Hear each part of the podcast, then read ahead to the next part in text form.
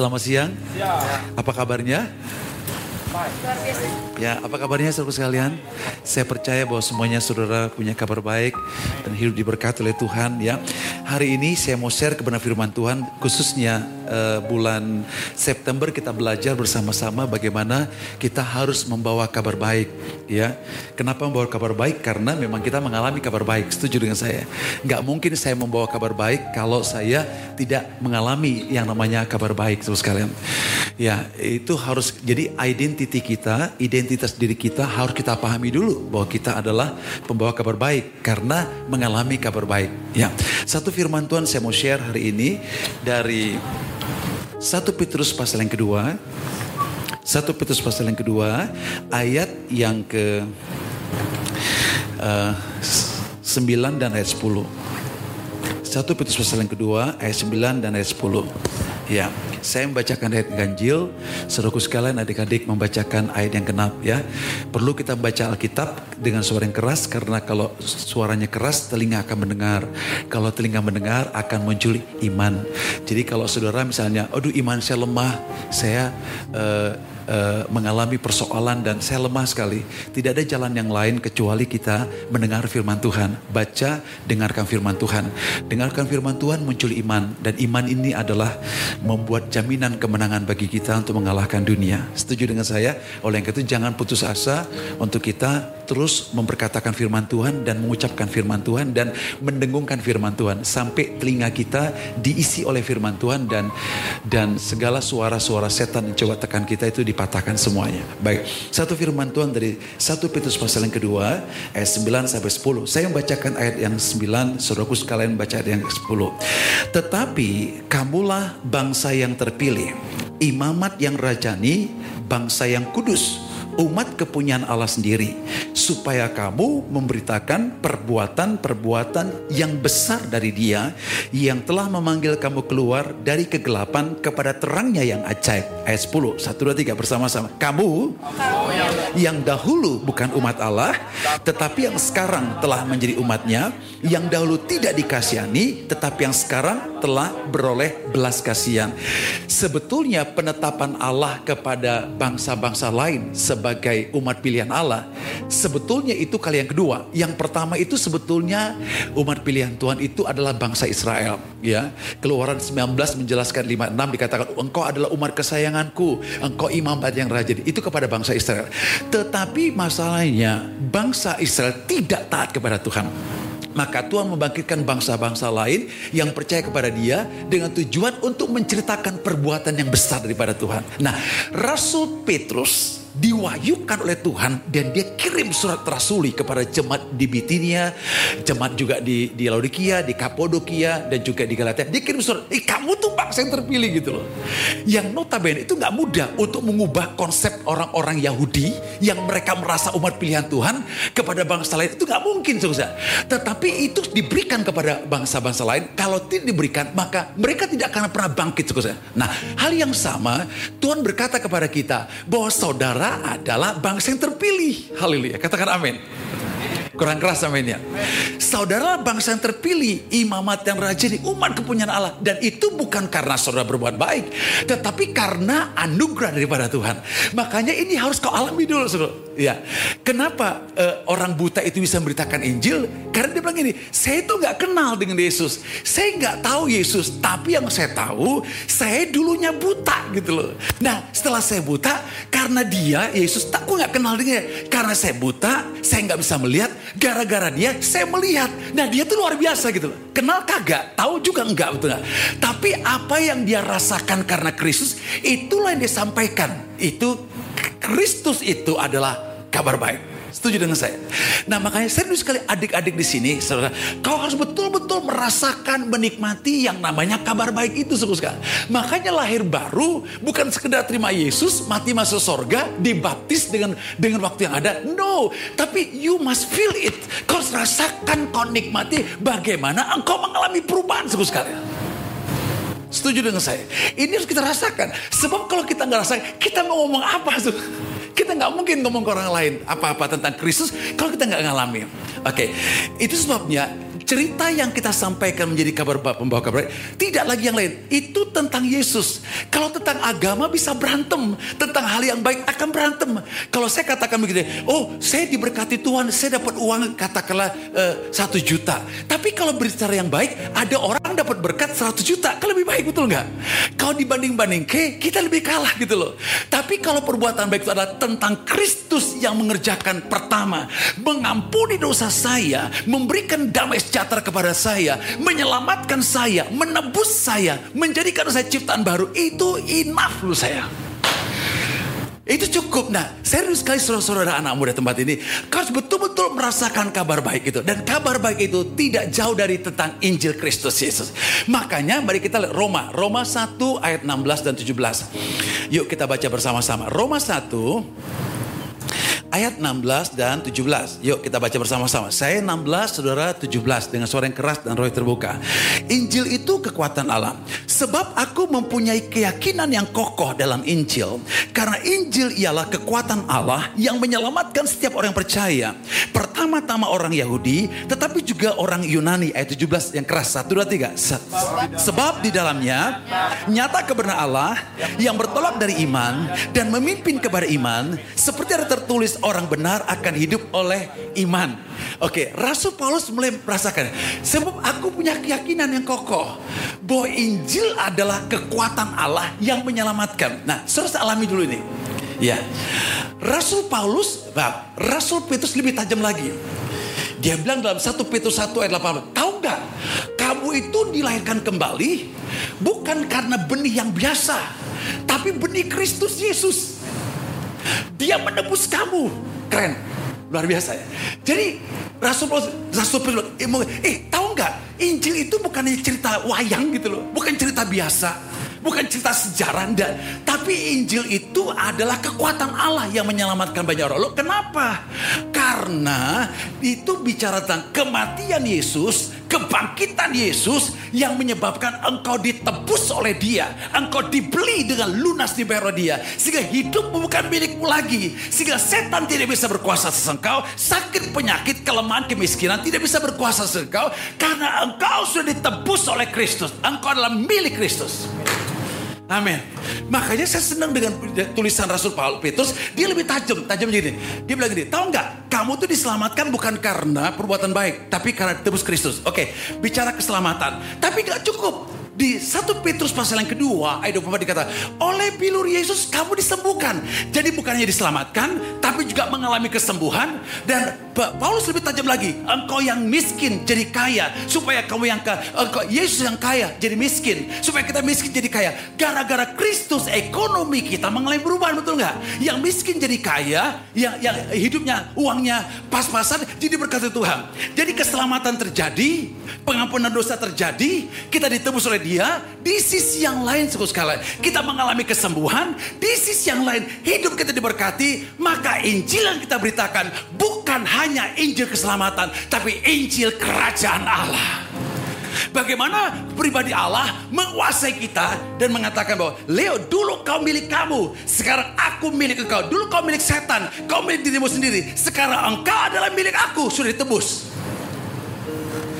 Karena kita milik dia, kita anak dia Bapak, kita diperdamaikan oleh dia.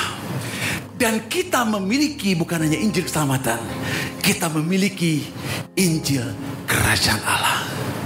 Adik-adik saya mau kasih tahu, kau harus merasakan ini. Kalau enggak, enggak mungkin kita cerita orang lain. Paham? Ya. Oke, saya mau bagi berkat. Jadi di tempat saya bekerja ada satu orang bapak, tiba-tiba malam hari dia telepon saya. Dia bilang gini, Pak, saya sakit tapi mulai sembuh. Tapi anak saya dua sakit. Dan saya nggak tahu jalan keluarnya gimana.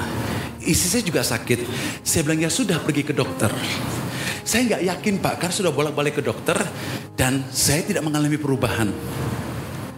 Terus dibilang gini, saya dengar katanya Bapak buka punya bacaan, bacaan itu bisa memberikan uh, uh, jalan keluar lah begitu. Saya bilang saya punya bacaan. Tapi saya punya nama Yesus. Satu ketika dia ke ruangan saya, terus kemudian, um, Pak tolonglah saya Pak. Saya nggak tahu gimana jalan keluar ini. Ya saya bilang, kamu, saya bilang gini, udah cari dokter yang spesialis, rumah sakit yang bagus. Saya pikir jadi keluar, jalan keluar buat kamu. Sudah pak, saya udah capek pak, sudah gak ngerti gimana jalan keluarnya. Terus dia, dia bilang kepada saya, Pak, ada nggak Pak uh, yang sesuatu yang Bapak bisa ceritakan pada saya, yang saya ceritakan pada istri saya. Terus dia dengar bahwa seorang rekan, saya kasih sapu tangan buat dia, sapu tangan itu menyembuhkan dia. Nah, sekarang dia bilang gini, Pak, apa yang bisa saya bawa buat anak saya? Saya bilang, saya buka tas saya. Di tas saya ternyata ada minyak urapan. Ya, nah minyak urapan itu nggak banyak, ya, BB oil yang kecil segini dan tinggal kira-kira seperempat. Jadi saya bilang kepada dia, sore saya ada pelayanan, saya bilang boleh nggak kamu seperdelapan, saya seperdelapan, bagi dua gitu ya. Pokoknya apa adanya. Terus kemudian dia ambil seperdelapan, saya pindahkan ke tempat yang lain, dia bawa Pak ini aja Pak, iya bacaannya ada Pak, oh ada bacaannya dalam nama Yesus sembuh. Apa Pak? Dalam nama Yesus sembuh. Apa Pak? Dalam nama Yesus berkali. Haleluya. Berkali-kali saya bilang gitu. Catat enggak itu aja nggak banyak. Susah pak. Ya karena dia belum ngerti banyak betul nggak? Belum persekutuan, belum belum PA betul. Haleluya. Seorang lebih mahir daripada dia menurut saya. Ya. Terus kemudian udah dia pulang, pulang ke rumah. Malam dia doakan, Pak apa pak? Kok jadi gini, dia bilang apa pak? Kenapa dia nanya berkali-kali? Karena kok pendek banget bacaannya gitu loh. Harusnya kan panjang gitu ya satu satu apa satu uh, satu alinea gitu ya. Ini pendek sekali. Betul Pak, ya betul. Kamu doain aja. Terus kemudian didoain, dia ambil minyak itu dia oles ke kepalanya, ke anaknya, dua istri dia dia bilang, "Pak, sudah Pak, panas sudah turun tapi kayaknya belum ngejreng," dia bilang gitu loh. Tapi karena dia rindu dengan Tuhan, dia ambil semuanya, dia oleskan ke kepalanya, ke badannya, ke buku semuanya. Pak, kalau banyak Pak ya, sembuhnya total, sembuh Pak, dia bilang gitu. Dia kaget. Saya dia kaget. Aku juga lebih kaget betul nggak? Sama-sama kaget. Kok bisa gitu ya? Dan saya tidak ada di sana. Dia bilang kesembuhan. Terus kemudian dia lapar haus akan Tuhan. Terus kemudian saya kasih direkam ya. Oke, okay, kalau misalnya dilihat, saya kasih dia buku, buku perjanjian baru, saya tipis gitu ya, tapi bahasa di sini ya. Saya kasih dia baca, dia baca, dia baca. Setelah dia baca, Pak, ternyata Pak ya bahwa bukan hanya mereka, saya juga bisa ngalami. Nah, ternyata dia matanya kiri kanan bengkak, bengkak sekali. Terus Pak, bisa nggak saya pakai dalam nama Yesus, mata saya sembuh nggak? Oh bisa, tapi minyaknya udah habis. Tahu nggak kan sebegi sebotol gini, kan di, di dindingnya masih ada dikit ya, dindingnya doang. Dia korek-korek semuanya, gini, gini, gini Pak, hanya Pak, jadi sembuh gitu loh Pak. Padahal kan tinggal sisa. Menurut saya itu bukan soal minyaknya. Ini bicara tentang kepercayaan dia kepada Kristus. Betul nggak saudara? Dia punya iman kepada Kristus. Sehingga dia betul mengalami kesembuhan. Dia bilang, Pak terima kasih Pak ya. Terima kasih. Apa terima kasih? Ya, Yesus apa? Dalam nama Yesus itu betul-betul hidup buat saya. Saya bilang kepada, memang dia juru selamat. Nah, terus kemudian begini, Pak, saya nanti akan ngomong ke orang tua saya, ke teman-teman. Kenapa dia ngomong? Karena dia merasakan dalam nama Yesus. Nah, kalau kita nggak ngalami dalam nama Yesus, kuasa nama Yesus, kita nggak mungkin cerita, betul nggak? Gak mungkin. Dipaksa juga gak mungkin. Orang dekat kita juga, orang udah semaput juga gak akan kita injili. Karena kita tidak mengalami itu. Tapi kalau kita oh, tidak mengalami, kita bukan cari orang. Maka orang datang kepada kita, kita sampaikan kebenaran itu. Setuju dengan saya? Sehingga harus kita sadari bahwa Injil kekuatan Allah menyelamatkan kita. Dan mengubahkan kita. Sekali lagi, saya mau sampaikan. Engkau harus merasakan menikmati pengampunan dosa. Kalau enggak, nanti kau jatuh bangun dalam dosa. Terus kemudian kau ber bergumul soal dosa, sehingga ketika orang datang kepada engkau ingin diselamatkan karena dosanya, engkau gak bisa cerita karena engkau masih bergumul soal dosa. Gak mungkin terus sekali. Hal yang sama, saya penyakit juga. Tuhan menyediakan kesembuhan buat kita. Satu paket, bukannya keselamatan. Tetapi yaitu Injil Kerajaan Allah. Maka kita harus mengalami, menikmati kesembuhan itu juga. Juga perubahan ekonomi juga. Sehingga apa yang terjadi, apa yang kita rasakan, apa yang kita nikmati dengan itu, itulah kita sampai kepada. Tidak teori seluruh sekalian. Nah, kalau oleh karena itu apa yang tadi Tuhan rindu sekali anak-anak muda betul-betul mengalami Tuhan, betul-betul apa itu kelahiran kembali, betul-betul mengalami perubahan, betul-betul mengalami siapa Yesus buat engkau. Bukan karena pembicara, bukan karena kakak pembimbingmu, tapi kau betul bukan karena orang tuamu, orang Kristen atau hamba Tuhan. Tapi kau ngerasa sendiri bagaimana Tuhan tuh hidup buat engkau, saudara. Ini nggak boleh, nggak teknologinya eh, yang pertama, kedua, yang nggak usah, yang sederhana. Saya mengalami. Itulah dialami oleh perempuan Samaria. Dia bilang, tahu nggak? Dia itu tahu dosa saya. Dia tahu saya nggak benar. Dan kemudian dia cerita ke orang lain. Dan dia mengampuni saya. Dia selamatkan saya. Dia nggak cerita soal Injil betul. Dia tidak dia tidak ceritakan detail tentang Yesus karena dia nggak kenal. Tapi apa yang dia rasakan karena Kristus, apa yang dia nikmati dia dari Kristus, apa yang Yesus bahkan buat dia, itu yang dia sampaikan saudara sekalian. Tuhan ingin anak-anak muda kau bangkit dalam hal ini. Nggak bisa nggak? Kalau enggak saudara sekalian, kita orang Kristen agamawi. Sorry, ini tidak cerita soal agama, betul. Ini bukan soal cerita perbuatan baik, ini cerita Injil kabar baik, titik saudara. Ceritakanlah itu. Kalaupun ada penderitaan, up to God. Semuanya karena kasih karunia. Kalau ada penderitaan, dia juga menolong kita kuat dalam sebuah penderitaan. Jadi seluruh sekalian harus engkau rasakan dan nikmati apa yang namanya kabar baik itu. Setuju dengan saya? Setuju dengan saya? Oke, kasih tahu kiri Kita harus merasakan ke kiri dan menikmati dan mengalami kabar baik. Dan isi kabar baik adalah tentang Yesus Kristus. Ya, setuju dengan saya? Oke. Sehingga yang nanti akhirnya yang saya rasakan kita bukan hanya membawa kabar baik, bukan hanya menyampaikan Injil, but we all kita semua adalah revivalist. Kenapa? Di hari terakhir, Yesaya 2 ayat 2 sampai 3. Tuhan bilang gini, gunung rumah Tuhan akan menjulang tinggi. Ke sanalah bangsa-bangsa akan berduyun-duyun datang. Ngapain mereka? Mereka minta jalan keluar. Mereka minta pertolongan. Di mana? Rumah Tuhan. Berarti saudara semuanya harus berposisi di gunung. Sebagai seorang pelajar, SMP, SD, SMP, SMA, di, di sekolah saudara, saudara harus berdiri di gunung di studi saudara, betul gak? Yang kuliah berdiri di atas gunung di kampusmu. Haleluya, amin. Dan Tuhan katakan bangsa-bangsa akan berdiri. Ngapain mereka berdiri? Karena Ibrani katakan bahwa sekali lagi Tuhan akan menggoncangkan bukan langit saja. Bumi digoncangkan supaya terbuktilah mana kerajaan tergoncangkan dan kerajaan tidak tergoncangkan. Digoncangkan supaya yang tergoncangkan ini datang kepada yang tidak tergoncangkan dan yang tidak tergoncangkan itu di gunung rumah Tuhan. Matius 24 jelaskan juga pada hari terakhir dia katakan akan terjadi kesukaran ya, akan terjadi gempa bumi, ya dan sebagainya. Sekarang seru sekali, yang real aja. Sekarang Jakarta polusi betul nggak? Haleluya. Kita kuliah bukan sekedar dapat A, B, C, D atau uh, No. Tapi kita problem solver. Menyelesaikan persoalan bangsa tentang polusi betul nggak? Jadi kalau kau kuliah kata, oh saya kuliah jurusan teknik, ya, saya kuliah jurusan sejarah. Apa sih artinya?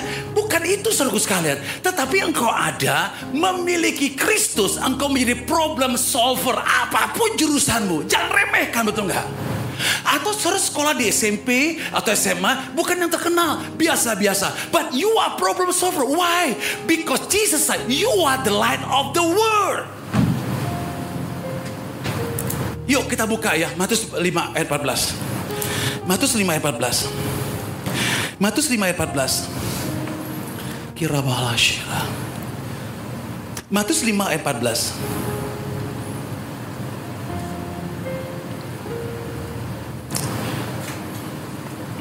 Yuk kita baca bersama-sama. Satu, dua, tiga. Kamu, ad Kamu adalah terang. terang dunia. Kota yang terletak di atas gunung. Tidak ada tersembunyi. Ya Yesus bilang gini. Kemudian, eh kamu itu terang dunia. Saking terangnya, maka kota di atas gunung diterangi. Berarti sekolahmu, kampusmu, kota Bandung bisa diterangi. Bandung sekarang punya perusahaan besar tentang sampah. Saya punya dengan teman-teman alumni Kumpul kami sama-sama. Gimana problem? Bagaimana mengolah sampah? Gas ini bagaimana? Semula ilmu teknik kimianya keluar semuanya.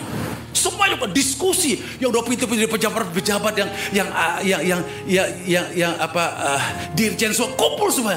Ngapain? Kita memikirkan kota ini supaya kota ini bebas dari sampah. Bukan hanya sampah, no. Tapi bagaimana mengolah sampah itu dari yang kotor, yang busuk menjadi pupuk, seluruh sekalian. Itu perlu orang-orang yang bukan sembuah kabar baik, tetapi pembangkit terus kalian. Yang membangkitkan. Setuju dengan saya? Halo? Setuju nggak dengan saya, saudara? Setuju nggak? Kita membangkitkan. Maka dikatakan, tahu nggak? Kamu itu terang dunia.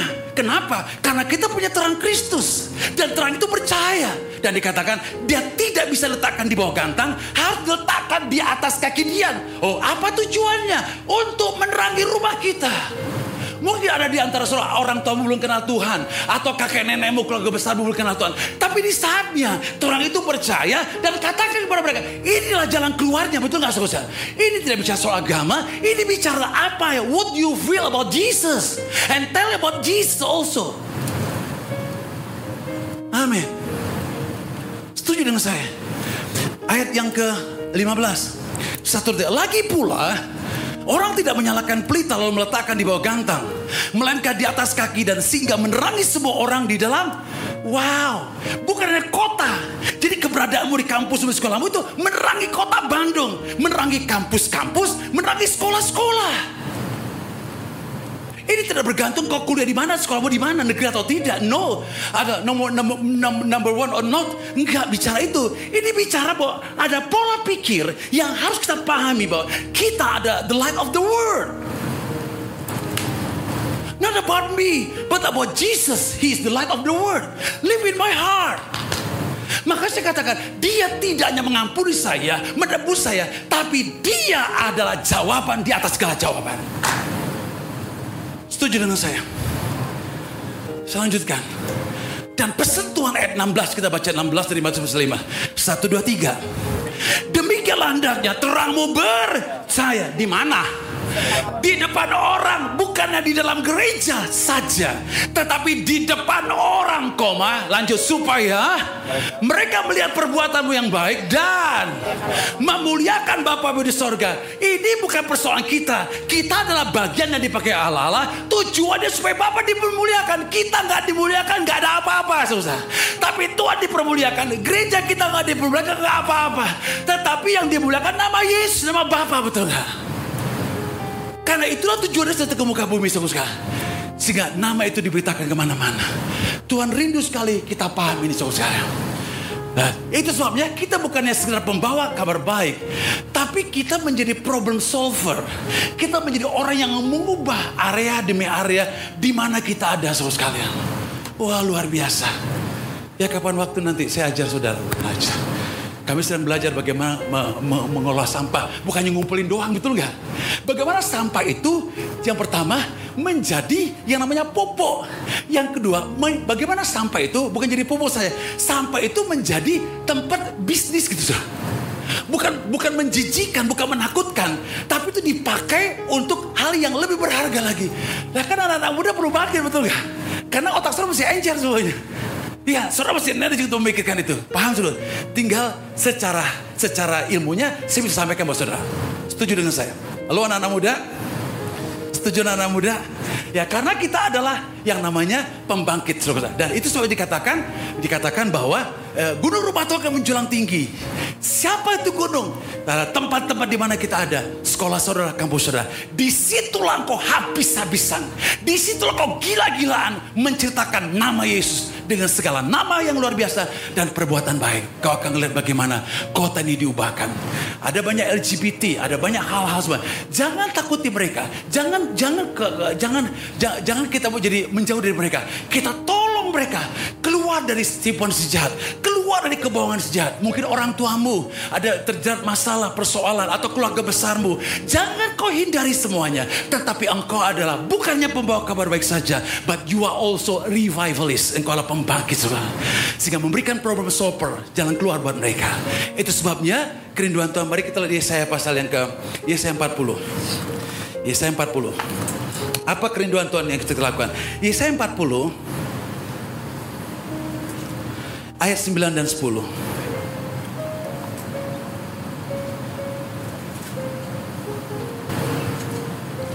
Ya, Yesaya 40 ayat 9 dan 10. Yuk kita baca bersama-sama. Satu, dua, tiga. Hai Sion, Pembawa kabar baik. Naiklah. Naiklah ke atas gunung yang tinggi. Lanjut, hai Yerusalem, membawa kabar baik. Nyaringkanlah suaramu kuat-kuat. Nyaringkanlah suaramu, jangan takut. Katakanlah kepada kota-kota Yehuda. Lihat itu alammu, keren luar biasa. Tuhan pesan kepada Sion, rumahnya, gerejanya, umatnya. Dia kata, naik ke atas gunung. Di mana? Di kampusmu. Di mana? Di sekolahmu. Di mana? Di mana pun kau ada, naik ke gunung. Di tempat paling tinggi. Why? Karena dia sudah katakan bahwa engkau adalah terang dunia dan kota di atas gunung tidak mungkin tidak diterangi. Jadi ekspektasi itu adalah kota diterangi. Tapi harus kita pahami, naik ke atas gunung. Bukan hanya untuk mempersembahkan seperti yang dialami oleh yang namanya Abraham persembahannya. No, tetapi kita membawa hidup kita, tujuan hidup kita, kerinduan dari kita. Naik ke atas gunung dan katakan, Tuhan ini hidupku Tuhan. Bukan punya aku lagi. Aku ditebus oleh engkau, aku milik engkau. Dan kemudian di atas gunung itulah kau katakan, bawalah kabar baik itu nyaringkan suaramu. Dia bilang begini. Dia, dia, dia, dia bilang gini, nyaringkan suaramu dengan kuat. Tidak berbisik-bisik. Nyaringkan suaramu dengan kuat di mana? Di sekolahmu, di kampusmu, di keluargamu, di komunitas di mana kau ada. Nyaringkan suaramu dengan kuat. Not enough. Nyaringkan suaramu. But don't worry, jangan takut. Walaupun kau menghadapi Goliat-Goliat yang besar dan punya pengalaman berperang, tapi Allah yang tinggal dalam dirimu, terang Kristus dalam dirimu itu lebih besar daripada apa yang dikatakan dunia. Sehingga engkau bisa mengatakan, inilah jalan keluarnya. Naik ke atas gunung tempat yang tinggi, nyaringkan suara itu dengan kuat. Jangan takut. Di mana? Di kampusmu, di sekolah. Walaupun akan ada risiko karena kau hidup dalam kebenaran. Zaman sekarang yang benar jadi salah, yang membawa kebenaran masuk penjara, yang tidak bawa kebenaran jadi jadi jadi jadi lempeng aja sudah. Tapi Tuhan membangkitkan gerejanya untuk membawa kabar baik apa pun risikonya. But you are not only tidak hanya pembawa kabar baik, tapi engkau adalah yang membangkitkan, membaga kabar baik. Dan Alkitab katakan, kitab Yoel menjelaskan, yuk, sebelum saya tuh, Yoel. Yoel pasal 3. Yoel pasal 3 ayat 13.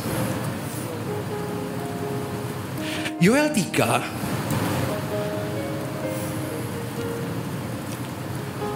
ayat 13. Yuk kita baca bersama-sama.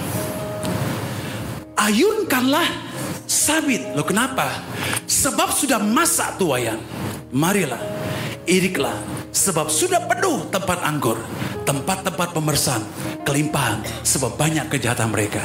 Saudaraku sekalian, di mana-mana iblis bekerja keras untuk membawa orang ke neraka. Dan orang-orang memanifestasikan pekerjaan iblis. Dan mereka akan dibawa kepada neraka. Tuhan katakan, oh gereja Tuhan, Sion terbangkit. Ayunkanlah sabit. Sebab sudah banyak dosa manusia. Tapi kita mau kasih tahu mereka. Kasih karunia Allah berlimpah buat mereka. Ini di bumi. Di kitab Yoel. Sorga juga mengiyakan. Mari kita lihat terakhir. Wahyu pasal yang ke-14. Wahyu 14.